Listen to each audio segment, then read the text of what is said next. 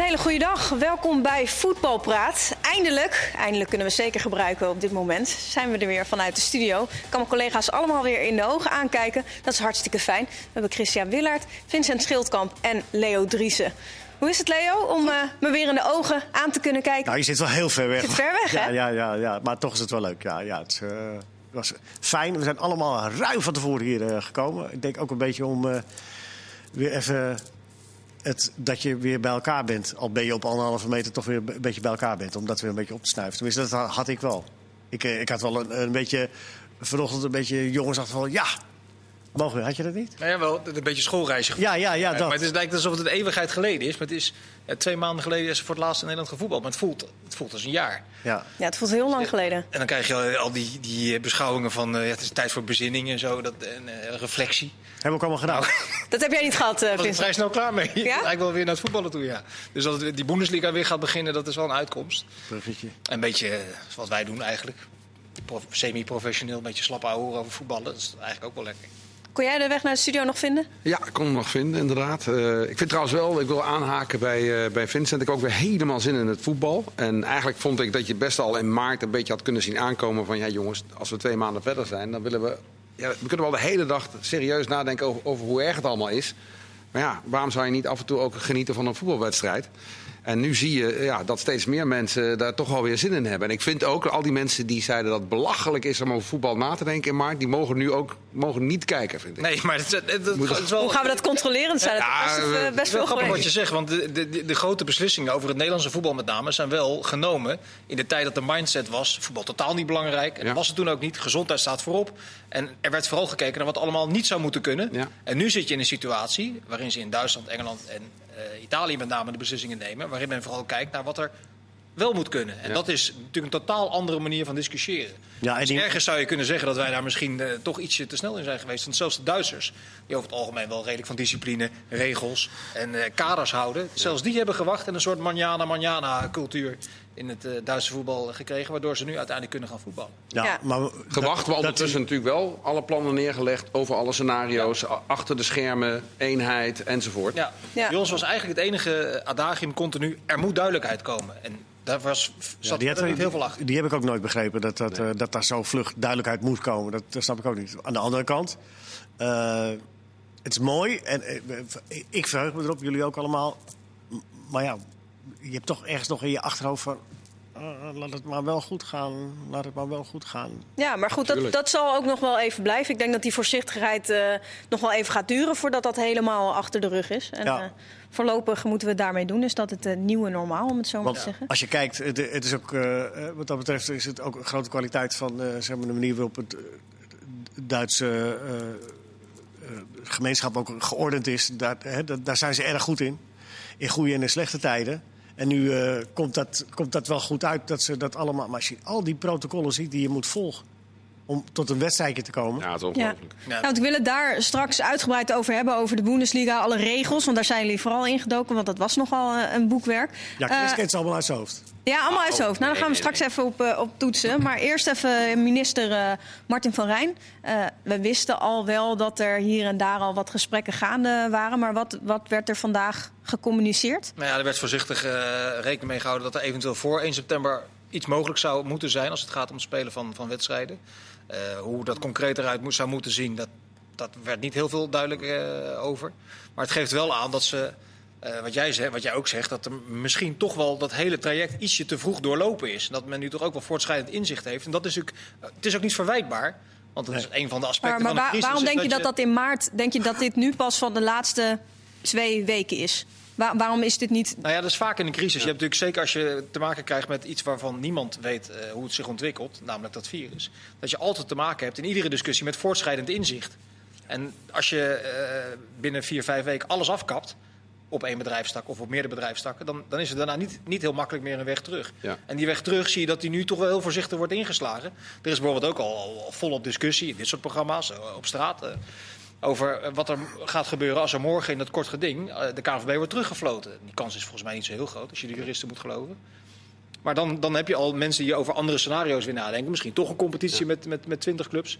Eh, eventueel toch nog Ik afmaken. terug naar wat je net zei. Dat vind ik heel interessant. Hè? Dat je zegt van ja, eh, het blijkt nu toch dat we er anders tegenaan kijken. En het blijkt misschien toch iets mogelijk van voor 1 september. Want één, twee weken geleden hoorde ik nog heel veel mensen zeggen... ja, we kunnen het wel hebben over we hadden het anders moeten regelen. Maar ja, de politiek heeft het verboden. Ja. Nu blijkt dus dat de politiek wel degelijk wilde meedenken, wil meedenken. En ik denk een maand geleden Ja, ook. maar Als het moment kijk, dat je... hoort iedereen nu alsof. Ja, maar dit is toch niet van, van nu eh, vorige week dat ze daar. Misschien zijn ze daar wel al een maand mee bezig. Dat Nou, weet je niet. ja, nou, Alleen ik- de discussie met dat we het vergelijken met de, de andere competities. Wij hebben nou eenmaal die vergunningsplicht.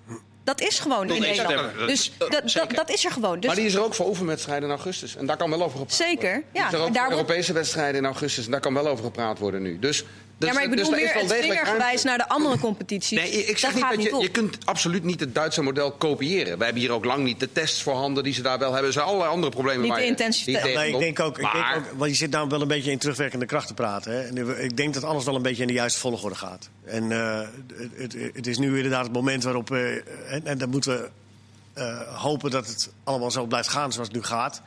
Ja, dan word je ook wat, eh, wat ongeduldiger en wat brutaler. En dan ga je je ook weer richten op de dingen waar we ons nu op richten. Dat is allemaal heel logisch.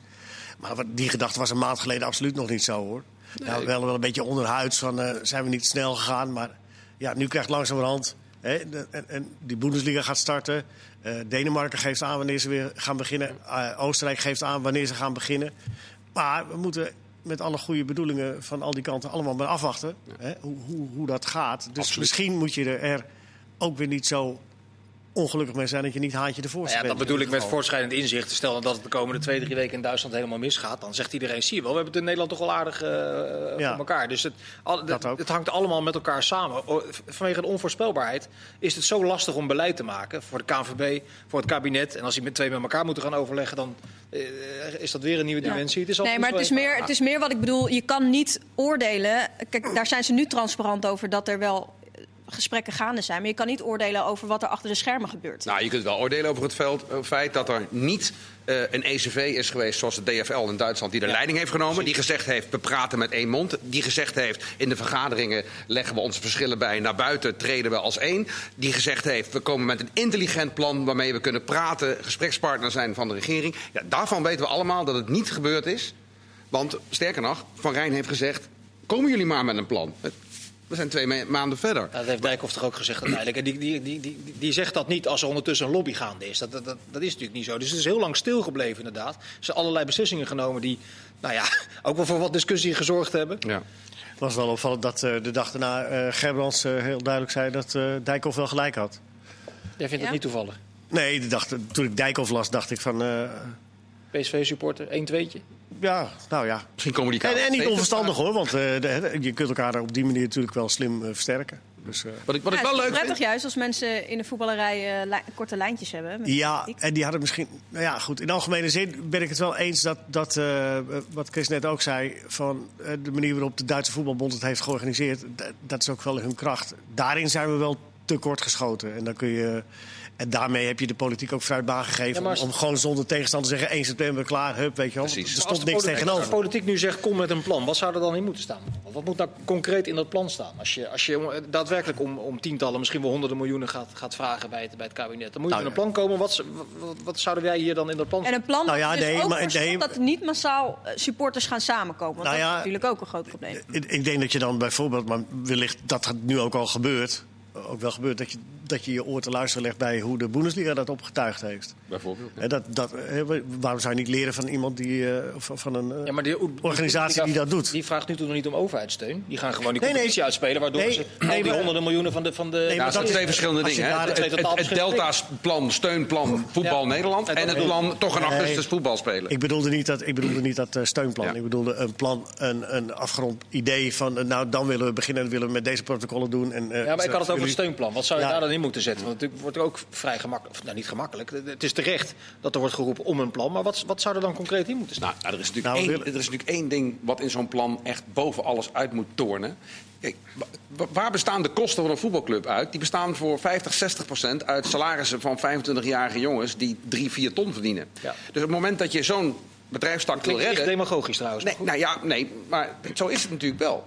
En het geld van de regering in steunplannen kan, ja, kan maar in één bedrijfstak tegelijk. Dus dan moet je gaan kiezen. En ik zeg ook niet dat er dan geen steun eh, naar die clubs moet.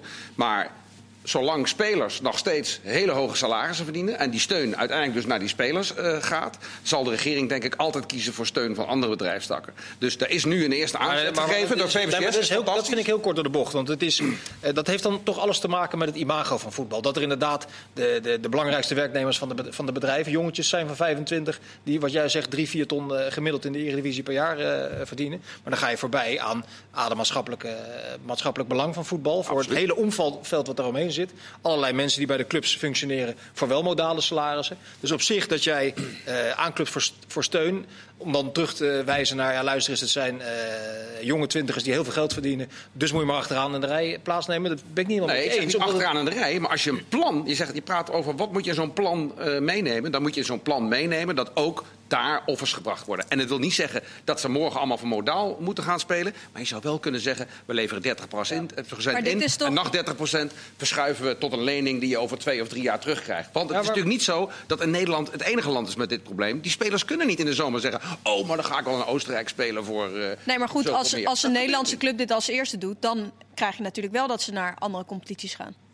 Nou, ik de, niet, club, de, de, de, club, de club die dit eer, als eerste door gaat voeren, die krijgt een leegloop. Nee, daar, nee. daarom, daarom, moet je dus, daarom moet je dus een deltaplan hebben nou, en niet individueel. Dat hoeft natuurlijk niet zo te zijn. Ik ben, neem het voorbeeld van FC Groningen. Die hebben nu in een vrij vroeg stadium gezet, luister eens, wij gaan in de problemen komen, linksom of rechtsom. Dat geldt voor iedere club, met uitzondering misschien van Ajax, in de Eredivisie. Die gaan in de, in de financiële problemen komen. Die hebben nu gezegd, wij gaan zelf kijken wat we kunnen doen. We gaan saneren. Nou, dat voeren ze door, dat doen ze transparant. Als uiteindelijk over twee, drie maanden de problemen nog veel groter zijn voor FC Groningen, dan kunnen die naar de gemeente uh, stappen in eerste instantie en zeggen: luister eens, ja. dit is wat wij hebben gedaan, dit is het maximale wat wij hebben kunnen doen. Kunnen jullie ons alsjeblieft helpen? Dan heb je in ieder geval zelf laten zien wat je allemaal kan. Dus die, die blauwdruk die Groningen nu geleverd heeft, dat, dat, gaat voor uh, 70, 80 procent van de Eredivisie. Abs absoluut. Dat kan niet anders. Absoluut. Maar dat is ook wat in dat, in dat plan naar de KNVB of naar de overheid toe zou moeten staan. Eerst in kaart brengen, transparant. dit zijn de kosten, dit is wat we missen. Dus uiteindelijk uh, zul je ons moeten helpen, anders dondert die hele bedrijfstak uh, in elkaar. En dat wil niemand gezien het. Ja, dat is ook het misverstand wat ontstaan is. Want uh, er, er, is al berekend dat er een bedrag van 400 miljoen gaat ontbreken. He, ja, dat, dat, is, dat is de schade. Die, ja, maar, later, maar, dat, later... maar, dat, wil niet zeggen dat de regering, of dat wij dan dus, de belastingbetaler, hè, om het even demagogisch te houden, dat, daarvoor zouden moeten opdraaien. Nee, dat is weer een ander verhaal. Dus je gaat uh, de, dat gedeeltelijk zelf oplossen. En het andere gedeelte ga je proberen te, te halen ja. waar, waar je het kunt halen. Ja. Ja. Gudde heeft ook gezegd, Gudde junior heb ik het nu over, Wouter Gudde van Groningen. Die heeft ook uh, gezegd, we doen dit niet omdat we nou volgende week de rekeningen en de lonen niet meer kunnen betalen. We kunnen nog even vooruit. Alleen we weten dat we uiteindelijk in het zand gaan komen. Dit gaat niet goed aflopen. Nee. En dus hebben we hulp nodig. Hulp van sponsoren, hulp van uh, supporters die toch een seizoenkaart kopen... terwijl het allemaal onzeker is of ze na een wedstrijd kunnen. Dat hebben ze nodig. Hulp van een gemeente die afstel van de, van de huursom uh, moet, moet verlenen. En hij zegt, dat kun je natuurlijk niet doen als je niet eerst zelf ook in je eigen vlees gesneden hebt. Want dat is een misverstand wat nu ontstaan is. Groningen is de eerste club die in problemen komt. Nee, Groningen is helemaal niet de eerste club die in problemen komt.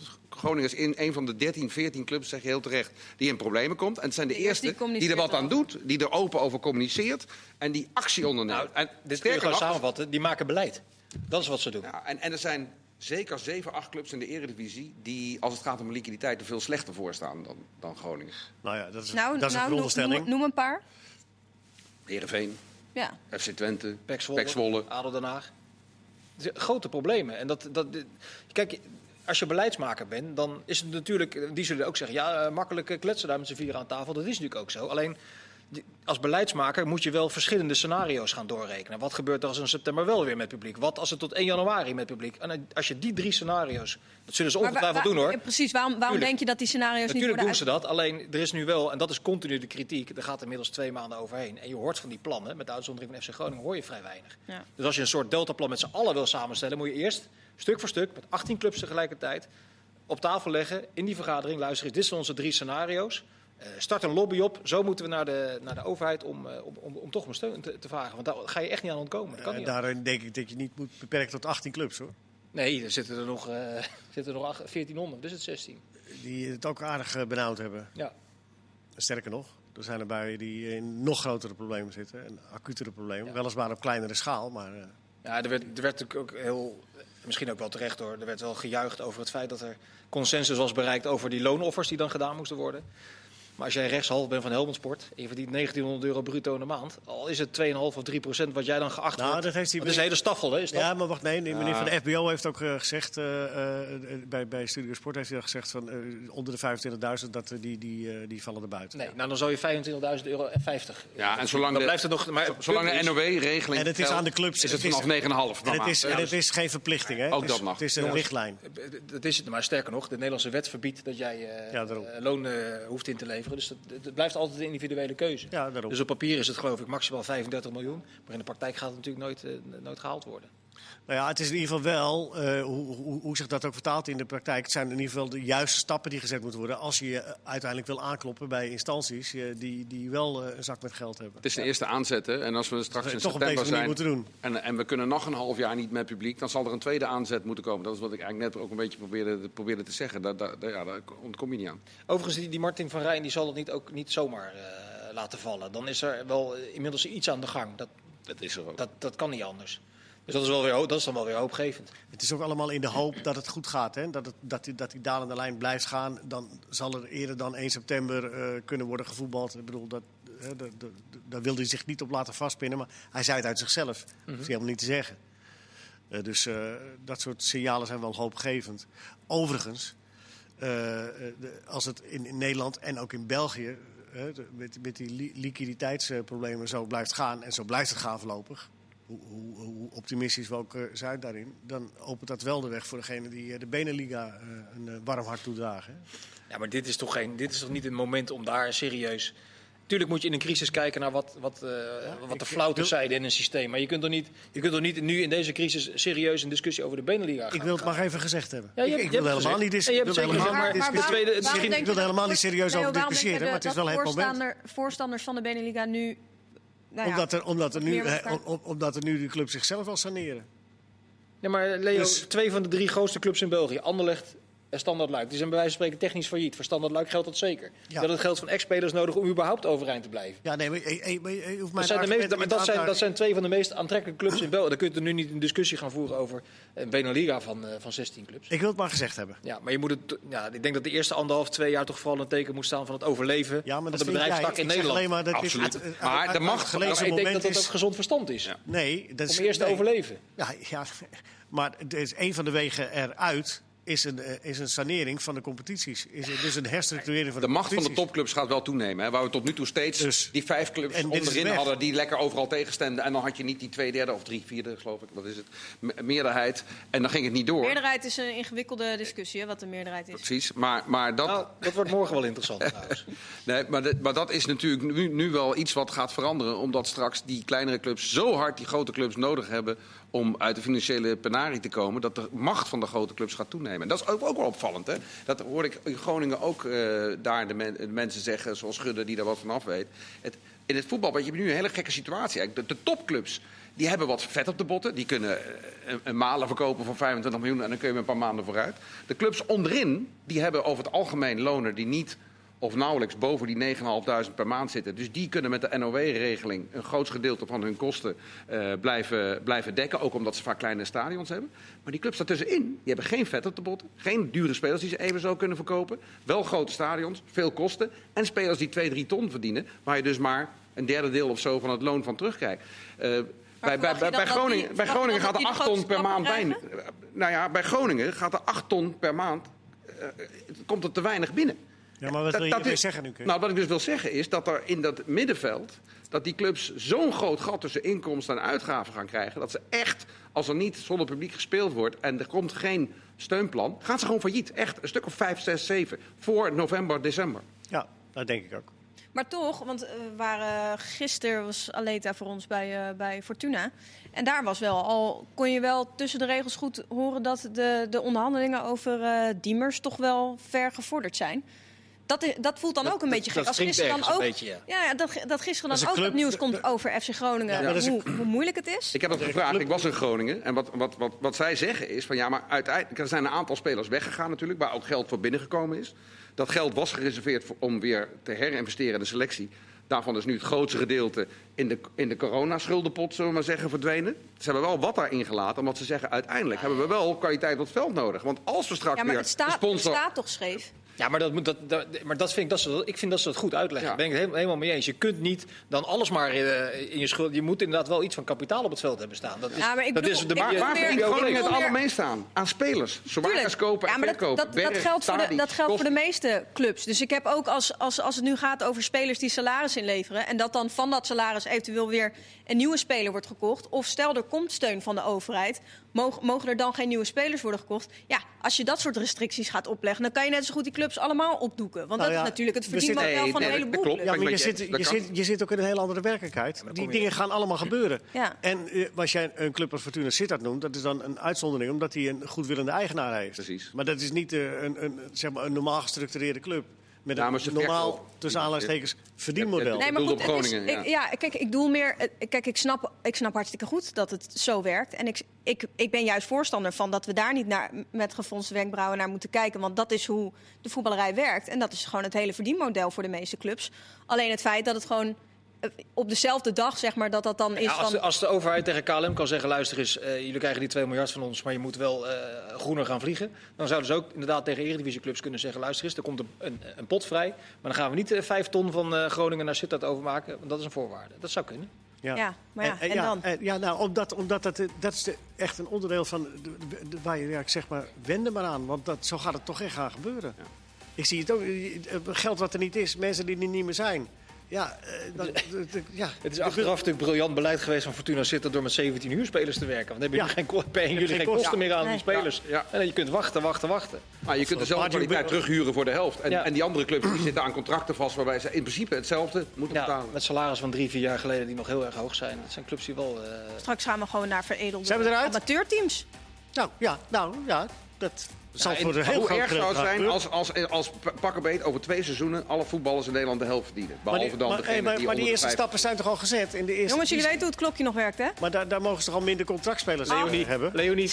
Dat betekent dat we zometeen nog eh, de tweede helft hebben. Dus eh, blijf warm. We zijn zo terug met de tweede helft voetbalpraat. Tot zo. Mooi afgerond. Ja, warm. Welkom terug, deel 2 voetbalpraat. Ze zitten er nog gelukkig allemaal eh, netjes op afstand. In die hokjes eigenlijk niet, hè? Dit is eigenlijk best wel dichtbij. Nee, het lijkt, we hebben een Ja. gigantische tafel, het lijkt het, maar we zitten echt op minimaal anderhalve meter. Ja, Zeker. Ja, maar het is allemaal plexiglas, hè, wat hier zit. Dus, eh, Chris, dit is niet best. Nee. Ehm, Maar- heren, morgen. Niem spelen. Dat? Vind je dat hij talent heeft? Ik Alsjeblieft. zei net, het is niet best. Ga alsjeblieft verder. Ja, maar ja, het is zo ver. Dus het duurt ook even voordat, eh, voordat het binnen is gekomen. Eh, morgen is natuurlijk de uitspraak eh, in het kort geding. Wat verwachten jullie? Ik verwacht dat de KVB eh, een eh, keurige, langdurige, welgemeende berisping krijgt van de rechter. En dat ze het niet allemaal even netjes hebben gespeeld, maar dat er juridisch geen spel tussen te krijgen is. En dat het eh, dus eh, zo gaat als de KVB gezegd heeft. Dat is wat ik verwacht. En dat de rechter zal zeggen, ja, dat had wel eh, wat minder doorzichtig en dat was niet netjes. En dat, eh, daar hebben ze wel een punt. En, maar, puntje, puntje, puntje. Zo denk ik dat het afloopt. Ik heb een aantal juristen gesproken en er was er één, het me- het merendeel zei wat, wat Leo zei. En één zei ervan, ja, er zijn een aantal aspecten. eh, dat, dat gehandels met die ranglijst aan de bovenkant wel hanteren en aan de onderkant niet. Dat, dat, dat is niet, dat is in het besluitvormingsproces ligt dat niet voor de, voor de hand. Want ze gaan niet de beslissing zelf toetsen, maar meer het besluitvormingsproces. En hij zegt, er zal ongetwijfeld een jurist zijn aangeslaan. Dat hebben ze ook wel duidelijk gemaakt in dat eh kort geding. Ook die uitspraak van Gudde tijdens het interview, vijf minuten na de uitspraak. Dat hij ineens uit het niets kwam met die 80-20 verhouding. Dat dat voor hem duidelijk zou zijn geweest. Ja. En dat staat nergens in de reglementen. En die opmerking, eh, zei de jurist, daar zie ik eh, mogelijkheden voor een rechter om de boel terug te fluiten. Maar dat zei hij op persoonlijke titel, hè, misschien. Want voor mij, hij Ja. zei toen wel heel duidelijk, voor mij is dat duidelijk. Ja, maar, dat, Nou ja, maar hij is ook tegelijkertijd de Ja, baas eens. van de KNVB. Eens. Dus, dat is niet op persoonlijke titel. Zeker niet vijf minuten na een uitspraak. Nee, ik zeg alleen hoe hij het zei. Ja, ja, maar nog even. Maar Maar dat het probleem is, het probleem is natuurlijk dat Nee, het, was formeel geen stemming. Dat is natuurlijk de, hè, en hoe slecht het Ja, ook maar- uitgelegd is. Maar Chris, dat is in het besluitvormingsproces is dat het juridisch interessante. Want dat wist niemand, dat het geen stemming was. Eh, maar, maar een peiling, dat, dat was niet duidelijk Nee, gecommuniceerd. ja. Dus daar zit enerzijds de onduidelijkheid en anderzijds die, dat zei de jurist, ik niet, dat heb ik niet bedacht. Die 80-20 opmerking, dat, daarmee heeft hij zichzelf misschien, mogelijk in de nesten gewerkt. Dat, Ja, en, en, en daarbij ook, want er was nogal wat commotie ook om het feit dat hij zich niet had laten zien, eh, ook bij dat kort geding. Eh, maar daar valt wel wat voor te zeggen, want als je ook daarin luisterde naar alle argumenten, er zaten ook wat argumenten tussen. Die kwamen van uitspraken die hij had gedaan eh, naar de media. Dus ik begrijp hartstikke goed dat hij zich daar eh, wat Nou, dat ik betreft... vermoed dat de jurist van de KNVB ook tegen eh, meneer Gudde gezegd heeft, doe maar even niks. Ja, Dat lijkt me in zijn geval niet te Maar onverstandig. jaren geleden al. Nee, naar aanleiding van het kort geding. Nee, maar je Oh. kunt niks zeggen over die uitkomst. Het is wel interessant natuurlijk als het onverhoopt eh, wel teruggefloten wordt. En dan krijg je die hele discussie begint weer opnieuw. Ja, Nou ja, dat gaan we zeker niet eh, hier aan deze tafel. Maar er eh, wordt morgen een extra uitzending. Nee, maar het gaat nee, maar sorry. Zeker, nog, dat wilde ik nu eh, Ja, benoemen, maar mag ik nog- eh, Leo. eh, sorry, maar voordat je dat gaat doen, mag ik er nog één ding over zeggen? Want Eén ding. ja, over die, over die beslissing. Het is natuurlijk al een tijdje geleden. Maar het is natuurlijk wel frappant dat je als beleidsbepaler van de KNVB. ehm, de beslissing mag nemen. Zo staat het letterlijk in de statuten. Juridisch gezien mag de KNVB iedere beslissing nemen die ze willen. Alleen dat je dan niet kiest voor de beslissing waarvan je zeker weet dat die de minste weerstand eh, oproept. Namelijk één jaar met 20 clubs. Dan weet je, weet je één ding zeker, dan zijn de minste clubs boos op, op je beslissing. Ja, maar dat schoten ze al Maar- voor de uitzending. Voor Ja, de, voor maar moet dat, je- is toch, stemming al dat af. is toch onverklaarbaar? Vincent, dat moet je als bestuurder. Nou, moet je als bestuurder moet je kiezen voor een uitkomst waarvan je weet, nou, dan krijgen we het minste In een crisis zou ik dat doen, ja. Maar je moet, toch, je moet toch kiezen voor het, het plan waar je zelf Ja, maar als er nou niet overduidelijk een beste beslissing is, dan kies je toch voor de beslissing die het minste weerstand oproept. Maar zij Nou ja. zijn toch directie betaald voetbal? Zij, zij, zij zijn toch overkoepelend, zonder belangen zeg maar, met, van al die clubs? Ja, Zij zijn toch degene die daar de dat, besluitvorming dat is precies mijn argument. Dus neem je een beslissing waarmee je zeker weet dat het merendeel van de clubs je daarmee, eh, dat je daar, die, daar maar niet voor, voor, de, voor, hoe zeg je dat? voor de schenen schopt om in voetbaljargon te blijven. Maar pas op, voor je het weet gaat eh, Volendam zeggen dat ze eigenlijk toch ook nog wel die na-competitie zouden willen spelen. En vooruit, dan doen we maar 21 clubs. En eh, het kan toch niet zo zijn dat als vier clubs eh, Nou goed, juridisch... dus we- Daar, daarmee begon ik mijn betoog. Ik zeg geen enkele beslissing had voor. eh, Nee, er was altijd wel iemand altijd wel geweest gedoe die eh, geweest. Maar benadeeld dit- was. dat was wel de beslissing geweest die de minste weerstand had opgeroepen. Nou, dat weet en misschien niet, is dat in een crisis wel handig. Ze Ja. hebben zich eh, daar ook mee al van tevoren gezegd, eh, ja, dat willen de burgemeesters niet. En, eh, dus dat hebben ze van tevoren al eh, kenbaar gemaakt. Dat ze daar niet eh Maar dat iets wisten, in ze, wel- zagen. dat wisten ze wel heel snel dan, hè? dat de burgemeester nou ja. niet wil. Dat geloof Ja, ik niet. Nee, maar je, je moet, ik ben niet de KVB. Ik zeg Nee. alleen maar wat de KVB zegt. Nee, maar dat zeg je de hele tijd. Maar mag Ja. je dan toch ook op ingaan? Ja, zeker, zeker, zeker. zeker. Maar niet, eh, Maar niet wat wil je persoonlijk ook nog iets zeggen? We gaan Lijkt het, wel eh, alsof ik gudde ben hier. Ik heb je twee maanden niet gezien. Vond Nou, eh, nee. nee eh, eh, we gaan het natuurlijk eh, met zeer veel interesse volgen. Morgen hebben we inderdaad een extra uitzending. Dank je, Leo, om me erop te attenderen. Weet je ook hoe laat? Tien voor zeven. Tien voor zeven, heel goed. Fox Sports extra uitzending. Waarin we live dus eh, de uitspraak gaan eh, volgen. Wij gaan allemaal kijken natuurlijk. Toch? Ja, dat dacht ik wel. Ja. Ja. Het is nogal belangrijk. Zo is wel aardig om even kort eh, hoe het in België gaat. Want eh, eh, daar eh, zijn ze ook niet uit de problemen. Daar hebben ze eh, geen beslissing genomen. Eerst wel een beslissing en toch weer niet. Nu hebben ze de beslissing genomen dat ze tot 31 juli niet zouden gaan spelen. Dat staat nog altijd. En dan willen ze op 1 en 2 augustus de eerste speeldata hebben. En dan moet dan de bekerfinale opgespeeld worden. En er moet een wedstrijd gespeeld worden, de return tussen Beerschot en Leuven. Dat zijn eh, wedstrijden die eh, gingen om promotie. Beerschot heeft de eerste wedstrijd eh 1-0 gewonnen. Of Leuven, daar wil ik vanaf zijn. Maar er moet in ieder geval nog een beslissing genomen worden... van wie er uiteindelijk gaat promoveren. Ehm, want de return is nooit gespeeld. Maar nu eh, is het voorstel, en er wordt dan eh, komende vrijdag over vergaderd... vanaf twee uur... En het wordt één groot eh, spektakel. Al dus collega Filip Joosen zegt dat, dat, dat, dat kun je echt tot diep in de nacht zal daarover geruzied worden. Nu is het voorstel om van 16 naar 18 clubs te gaan. Dus en Leuven en eh eh Beerschot die hoeven niet meer te spelen, maar die mogen gewoon eh, doorschuiven. Dat de Club Brugge tot kampioen wordt verklaard en dat die hele play-offs niet meer gespeeld worden. Dat is, eh, dat is het plan. Maar er is ook alweer grote weerstand tegen, want niet gespeeld is ook niks verdiend. Dus, eh, en ze willen ook niet zomaar Club Brugge kampioen verklaren, al wil die een voorsprong hebben van 15 punten. Maar Dus dat niet was zo eigenlijk al gebeurd? Ja, Maar dan ja, wel één- Dat was toch al uitgesproken? Dan heb je wel één degradant, heb je dan toch? Als je, weer op, als je ze beide toelaat en ja, de kampioen ook. Daar, ook daar zijn ze dus nog niet, eh, niet over uit. En, en het, het, het, het mooie is daar in België, ze hebben dus je hebt, eh, een voorzitter van de profliga, dat is eh, Peter Kronen. Maar die is ook voorzitter van Genk. En de voorzitter van de voetbalbond, dat is eh, meneer Mehdi Bayat. Bayat, Bayat, die achternaam zeg je misschien wel wat. Ja, van Standard Luik. nou, dat is, Nee, nee, de nee, die is grootste die ma- zaakwaarnemer die... eh, De zaakwaarnemer die achter-. Ja, ja. achter, eh, zijn broer is dus eh, en de voorzitter van de voetbalbond en voorzitter van Charleroi. Dus eh, die hebben allemaal dubbele pet op. Maar ze zijn zeer integer, heb ik Nou ja, als je, als je dit allemaal zo hoort, is het niet Dus- zo verwonderlijk dat ze er gemiddeld 600 dagen over doen om een regering te vormen. Als Ja, en als klap op de vuurpijl komt nog Anderlecht. Die heeft nu gevraagd om eh, solidariteit. Terwijl Anderlecht... Oh, solidariteit bestaat ook in eh, België. Als... Nee, nee, vraag om solidariteit. Oké, ja. Nee, en, en en het mooie is, Anderlecht heeft voor de coronaperiode eh, zelf eh, afgeschoten de verdeling van de tv-gelden. Want toen werd er gevraagd om solidariteit met tv-gelden. Heeft Anderlecht is daarvoor gelegen. Maar nu willen ze dat alle clubs solidair zijn. Met wat, met wat dan ook. Want dat moet dan vanaf vrijdagmiddag twee uur allemaal vergadering duidelijk worden. Tot Ja. zover België. Ik dank u. Ja, nou, top. Kan allemaal erger, Wel dus- watcher is niet normaal, hè? Maar eh, goed, eh, jaloers hoeven we dus niet te zijn op de Nee. zuiderburen. Nee, nee, nee. Wel jaloers natuurlijk op, eh, op Duitsland. Bundesliga. Eh, Vincent, jij maakt je op voor eh mooiste wedstrijd van het weekend? Nou ja, ja, jawel, jawel, Leo, kom op. Ja, De kolenpot. Ja. Ja, Leipzig. is Dort- Dortmund Schalke alleen. Het, wordt een van de meest, de meest krankzinnige uitvoeringen natuurlijk. zonder publiek in een stadion waar er normaal gesproken ik geloof 81.000 in kunnen. En bij die wedstrijd is het standaard een gekke huis. Ik heb hem een paar keer heb ik hem bezocht. Het is, het is echt, echt fenomenaal. Twee culturen Geweldig. tegen elkaar. Het is echt, echt geweldig. De enige wedstrijd waar, of een van de weinige wedstrijden in Duitsland waar je nog wel een enorme politiemacht eh, op de been hebt om, eh, om die haat en ook fysiek uit elkaar te kunnen houden. Het, het zal totaal anders worden in een leeg stadion met een, met een krankzinnige aanloop. Van vrij weinig trainen, een week in quarantaine. Eh, bij Dortmund zijn nu twee spelers geblesseerd. Chan en Witsel. Die onder normale omstandigheden was het een race tegen de klok geweest of ze die wedstrijd zouden halen. Maar die weten nu al dat ze die wedstrijd niet kunnen spelen. Omdat ze niet deel uit kunnen maken van die week quarantaine. Waar, eh, waar iedere club aan, aan moet voldoen. Een van de onderdelen van het protocol in Duitsland. Dus dat maakt het al heel apart. Dus een gemankeerd Dortmund tegen eh Schalke.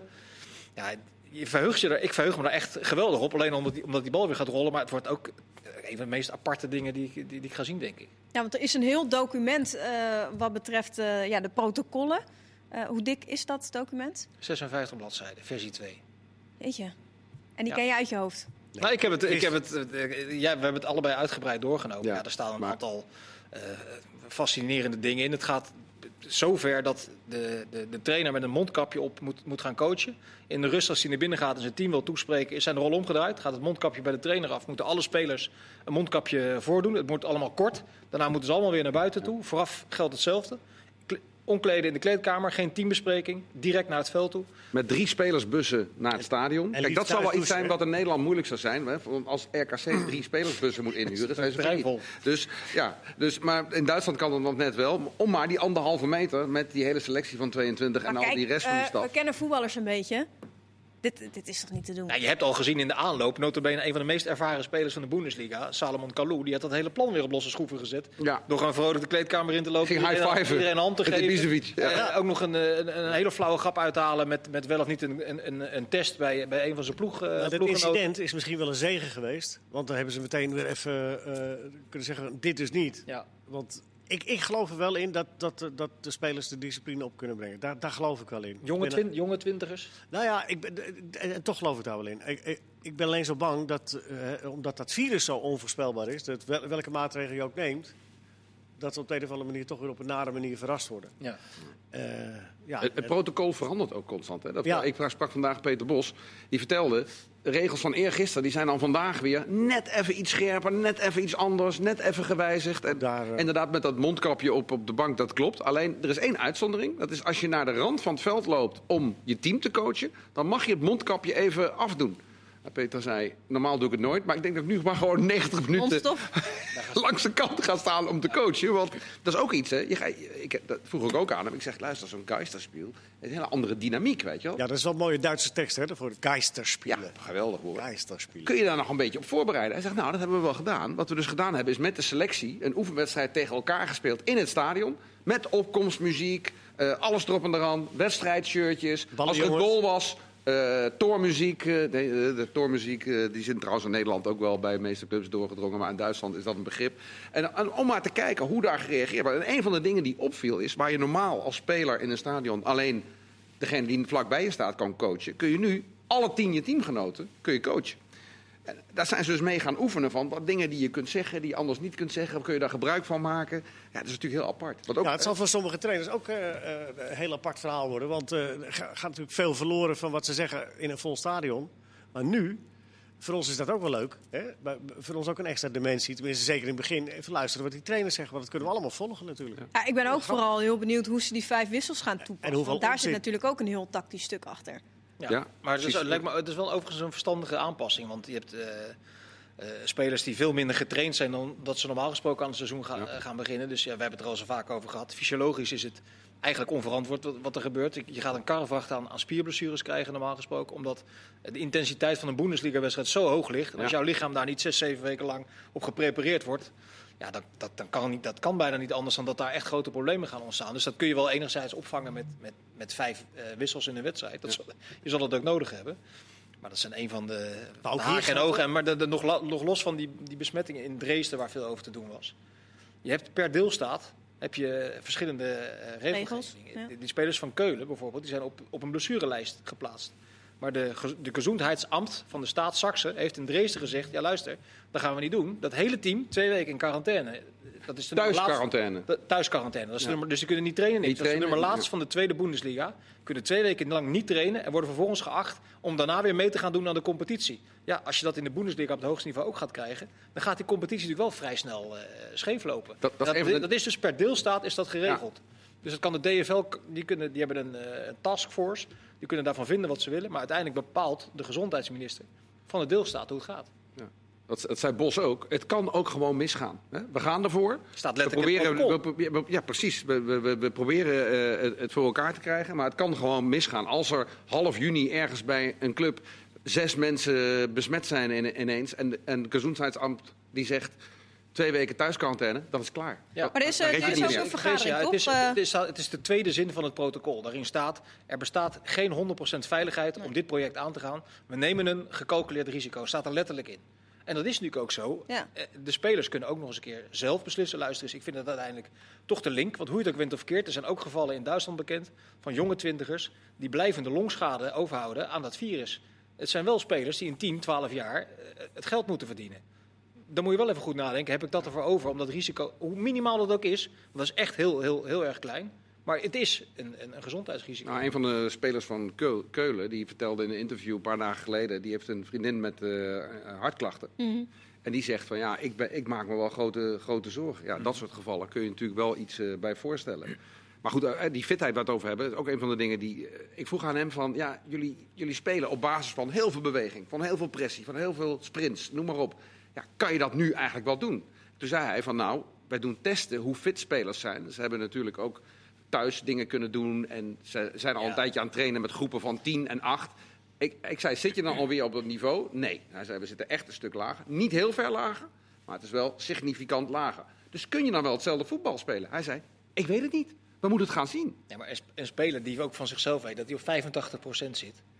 Die gaat een Bundesliga-wedstrijd niet het in is met... gewoon momenten. Ja, precies. Die gaat, ja. ja. maar die gaat ook niet in zijn achter. Ja, maar uiteindelijk laat je dat los. Dan ga je wel voor die ene bal, omdat je eh, het duel, je strekt je been. eh, En die spier, die spier zegt dan een keer knap. Maar Als- er, er is wel, er is wel één voordeel bij al die nadelen. Dat eh, in principe staat elke eh, club nou, er min of meer hetzelfde voor. ja, Hè, dus, op dus level playing field. ja. Maar ook niet helemaal. Nee, nee, nee, dat weet nee, eens, eens, Ja. eens, ja, maar, maar Ja, toch. maar het voorbeeld kent niet iedereen, dus moet je even uitleggen. Nee, dat gaan we zo doen. Maar, maar, maar het is wel een groot, groot voordeel dat, dat iedereen heeft dezelfde handicap in principe. En bij Bremen is het dan weer extra, omdat ze daar weer later hebben mogen starten. Hè? Van die gezondheidsminister. Van die gezondheidsminister daar te plakken. Dus, dus zij mogen maandag beginnen. Dat, dat is ook iets wat ze bij Leverkusen... Ja, maar dat is ook iets wat ze bij Leverkusen zeiden. Die spelen dus maandag in principe tegen Jij bent wel echt een Dat- fangirl van eh, Leverkusen, hè?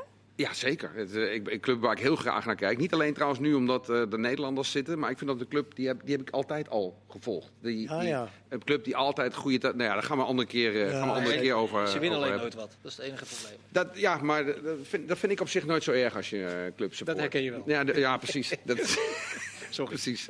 Nee, nee inderdaad. Dat, eh, maar dan ben ik vergeten dat het punt was... eh, wat, niet uit. wat ik Over wilde, Leverkusen. Wat, wat ik wilde. Nee, ja, ja, nee, nee, nee, nee, nee, ik weet het, ik weet het wel. Ja. Ehm, hij zei wel, eh, het is voor ons een groot voordeel dat we pas maandag spelen. Want wij gaan zaterdag zien wat er gebeurt. Gaan er zaterdag bij de helft van de wedstrijden na 70 minuten vijf man met een hamstringblessure van het veld, dan weet hij, we zullen wat meer moeten gaan doseren. Ja. Valt het allemaal reuze mee? Wordt het 6-5? Is het ander verhaal. Nou ja, Maar nou dat ja, kunnen ze allemaal Bobic zei dat. Hè? Die zei, je gaat ze- uitslagen krijgen, 5-5. Je gaat gekke blessures, eh, kramp, vier spelers, laatste vijf minuten. Hij zegt, wordt spektakel. Ja, maar ook hier geldt ook dat iedereen, iedereen heeft toch hetzelfde probleem in principe met de eh, nuances. Dus je, je gaat er niet eh, je spelers over de kling jagen, omdat je niet weet wat er gaat gebeuren. Maar ik, Nee, weet je, ja, maar als spelers eenmaal op een veld staan, is het heel moeilijk om te zeggen na 60 minuten... jongens, ik denk dat we toch een beetje meer moeten doseren. Nou, ja, staat 1-1. Zeker met een leeg stadion gaat heel makkelijk. Nou, je kunt wel zeggen, maar ik denk dat het, dat- ik denk dat het moeilijk bijsturen is. Nou, die- goed, die hele is discussie, eh, dus wat dat betreft. Die, die hele discussie sneeuwt nu wel een beetje onder hoe leuk het is om weer naar die Bundesliga te kijken. Ja, het was echt een fantastische competitie dit jaar. Met, er zijn bijna geen ploegen meer waar je, ik heb het al zo vaak gezegd aan deze tafel, waar je een hekel aan kan krijgen omdat ze niet leuk spelen. Bijna al die clubs, zeker de top, Dortmund, Leverkusen, Leipzig, Bayern, allemaal fantastisch om naar te kijken. En dat zal niet veranderen of er nou wel of niet 60.000 mensen op, het, op de tribune zitten. De, Nee, intensiteit, de manier van voetballen, eh, het is echt fascinerend. En nu, nu dit de eerste grote competitie is die gaat beginnen, ja, is het wel heel fijn maar, eh, om naar te gaan kijken. Nou, dat is wat, wat dat betreft wel leuk. Want ik, ik las eh, bij Freiburg, dat is een wedstrijd die ik eh, zaterdag moet doen tegen Leipzig. Die eh, spelers van Freiburg die, zijn ook met een soort van eigen imagine, ima, imaginatiecursus bezig. Van, we moeten net doen alsof het wel vol zit. En je moet je voorstellen wat er gebeurt als, er, als ik nu een actie maak. Dan moet ik maar bedenken dat het publiek voor me klapt. En eh, al dat soort eh Is die John, stra- John? John Troost, is die daar langs geweest? Zo'n treust. Treust heet hij daar. Nou, bij Gladbach Nee, hebben ze al nee, die maar foto's ze van die supporters op de tribune gezet. Dat Ja. vind ik dan wel weer heel leuk. Nee, vind ik helemaal niet leuk. Vind ik verschrikkelijk. Oh, oké. Nou, Nee, dat moet, je moet het gewoon, weet je, ze hebben jullie zo eens de Vincent hele weer. tijd. Nee, ze hebben Ik zie de oude Vincent weer. het- Was- het heeft even geduurd, een paar minuten. ja, eh, gekkerij. Nee, maar ze hebben nu ook, ze, ze spelen met de gedachte, Sky Duitsland bijvoorbeeld, speelt met de gedachte, ja, wat moeten we nou doen om het, om het een beetje op te leuken? Want het is natuurlijk een leeg stadion, en je hebt het net al geschetst, je hoort de spelers. Hoe lang is dat leuk? Is dat 10 minuten leuk? Is dat een half uur leuk om al die coaching duidelijk te horen? En ze hebben daar een optie in Duitsland gaan ze aanbieden om het stadiongeluid te reproduceren. Kunnen ze met software, zoals je bijvoorbeeld in die, in die FIFA en, eh Ja. hoe heet de concurrent? Nintendo? Ik ben er niet Dat vind ik nou wel verschrikkelijk. FIFA, Nintendo. Ja, ik ook, eh, FIFA en Nee, PES. ik heb er niet zo. Ik vind het ook verschrikkelijk. Maar daar heb je dat natuurlijk ook als speler. Nintendo. Is een Daar kunnen console. als commentaar... Ja, maar dan begint, begint, dan begint de software toch ook geluid te maken dat er een doelpunt is gemaakt. Nou, Ja. dat kunnen ze dus in Duitsland ook gaan nabootsen. De vraag is alleen, moet je dat willen? Want je zit naar een registratie te kijken en dat wordt dan toch op de een of andere manier wordt dat, eh dat zet- gemanipuleerd. dat zet ik uit. Ik, nou, ik zou het echt aanzetten. Ach, kom nou. Ik denk Ja. dat je het halverwege aanzet. Ik denk dat de cameravoering ook wel wat anders wordt. Hè? We hebben toch wel eens vaker een Geisterspeler gezien. Ik heb eh, Valencia, Atalanta, Bergamo gezien. De eerste vijf minuten denk je, ja, niks aan. En op een gegeven moment zie je dan leuke dingen. En, en na een kwartier zat ik helemaal in die wedstrijd. Vond het geweldig. Ik heb al geweldig. Heren, heren, voordat we alle, alle eh, Haarlem verhalen weer eh, enige mogen zien. Eh, terug gaan halen. Dat doen we straks na de uitzending. We hebben is wel nog 2,5 leuk. minuut. Ja. Eh, Rankovic, de nieuwe trainer van ADO, staf aangesteld. Maar streng, hè, Leo? Ja. Ja. Ik Als je maar wel lief naar me blijft kijken. vermoed dat dat wel een beetje een economische keuze is. Ja. Want ze wilden Maurice Stijn, dat hebben ze een half jaar lang hebben ze dat geroepen. Die is inmiddels een ander salaris ge- gewend. En volgens mij staat hij ook wel op een lijstje bij eh, Vitesse. Dus die, die, die kon wachten. En eh Rankovic is, hoe je het ook bent of verkeerd, een goedkopere oplossing. Omdat hij de ambitie heeft om hoofdtrainer te worden. Nou, die kans krijgt hij nu geboden. Dus die zal niet, niet heel hoog in de boom gaan zitten. Nou, is niet, eh, ik bedoel, is wel een aantal jaren natuurlijk actief in de Nou, dus, ik bedoel, eh, dat, dat was het tweede gedeelte van mijn betoog. Het is natuurlijk wel iemand die dat heel rustig heeft opgebouwd. Hij is aanvoerder geweest bij ADO. Hij was publiekslieveling toen hij daar voetbalde. Hij is een jeugdtrainer geweest. Vervolgens assistent bij een ervaren coach, Henk Vrezen. Dus de opbouw is heel logisch. Dus als je dan niet heel veel middelen hebt en je komt bij een ambitieuze jongen uit die de club kent... dan is het eigenlijk wel weer een hele logische keuze. Dus goed. Punt. Ja, dat denk ik. De- ja, ik denk dat in de omstandigheden waar ADO in zit, de financiële omstandigheden, denk ik dat het een Ja. vrij verstandige, logische keuze is. Want er, er is niet heel veel anders mogelijk, denk ik. Ook een belangrijke rol onder. Hij heeft een jaar geleden al de kans gehad om in het buitenland op zichzelf eh, iets te gaan doen. Hij heeft dat toen bewust afgehouden om nog meer te leren. Ja. Maar ja, hoe het echt gaat, dat is natuurlijk... Hè, Ja, de eerste aanwinst is ook binnen trouwens. Hè, de, Taiwanese Taiwanese. International. Maar dat staat ook. Het, is, het klinkt allemaal. En je kan er, ook, kan er ook vrij snel lollig over doen. Volgens mij, het lage niveau in Canada komt die vandaan. Dat is nou niet de eerste plek waar je scout. En ADO helemaal niet, want die hebben geen scouting. Maar ze hebben wel in het beleid staan dat ze graag meer Aziatische spelers in het eerste elftal eh, willen hebben. Dat was een van de punten waar Hamdi onder andere eh, eh, aan boord is gekomen. Nou, dat hebben ze nu voor elkaar. Met, met in ieder geval één speler. Maar eh, hoe goed die is. En hij heeft een Spaans paspoort, hè, dus qua salaris is dat ook nog dan eh, wat makkelijker. Eh, nou, we zijn er bijna doorheen, heren. Eh, komend weekend natuurlijk volle bak de Bundesliga bij ons. Morgen die extra uitzending van het Kort Geding, daar gaan we ook voor zitten. Elke dag Fox Sports vandaag. Zondag weer voetbalpraat, hebben we dat allemaal gezegd. En Bundesliga met co-commentaar. Ja. Dus eh, Kees Kwakman en eh, Arnold Brugging, die zitten een beetje... Ja, zijn ze gestrest, denk je? Vinden ze zijn, het ja, spannend? die, die, die, het zijn wel jongens die het spannend vinden. Dus die Ja. moeten nog even aan de bak. Die moeten nog even. Ben je gebeld? Ik ben gebeld. ik ben gebeld. Maar ze gaan doseren, hebben ze beloofd. Dus we, we, we zullen het niet vollopen. Nou, vol, spannend. eh, Gaat helemaal goed komen. Ik heb er vertrouwen in. Ik ook. Alle Ja. Ik eh, zie helemaal geen klokje meer. Jullie nog wel? Nee, Nee, we zien de mensen die het eh, programma maken, dus we zullen zo meteen. Zijn uit de tijd. We zullen- We zijn al uit de tijd. Brian Linsen hebben we het niet over gehad. Komt ze Nee, dan, denk ik? nee. Nou, dat komt wel een andere keer dan, hè. Ja. Bedankt, heren. Zijn je nou fanboy? Fangirl.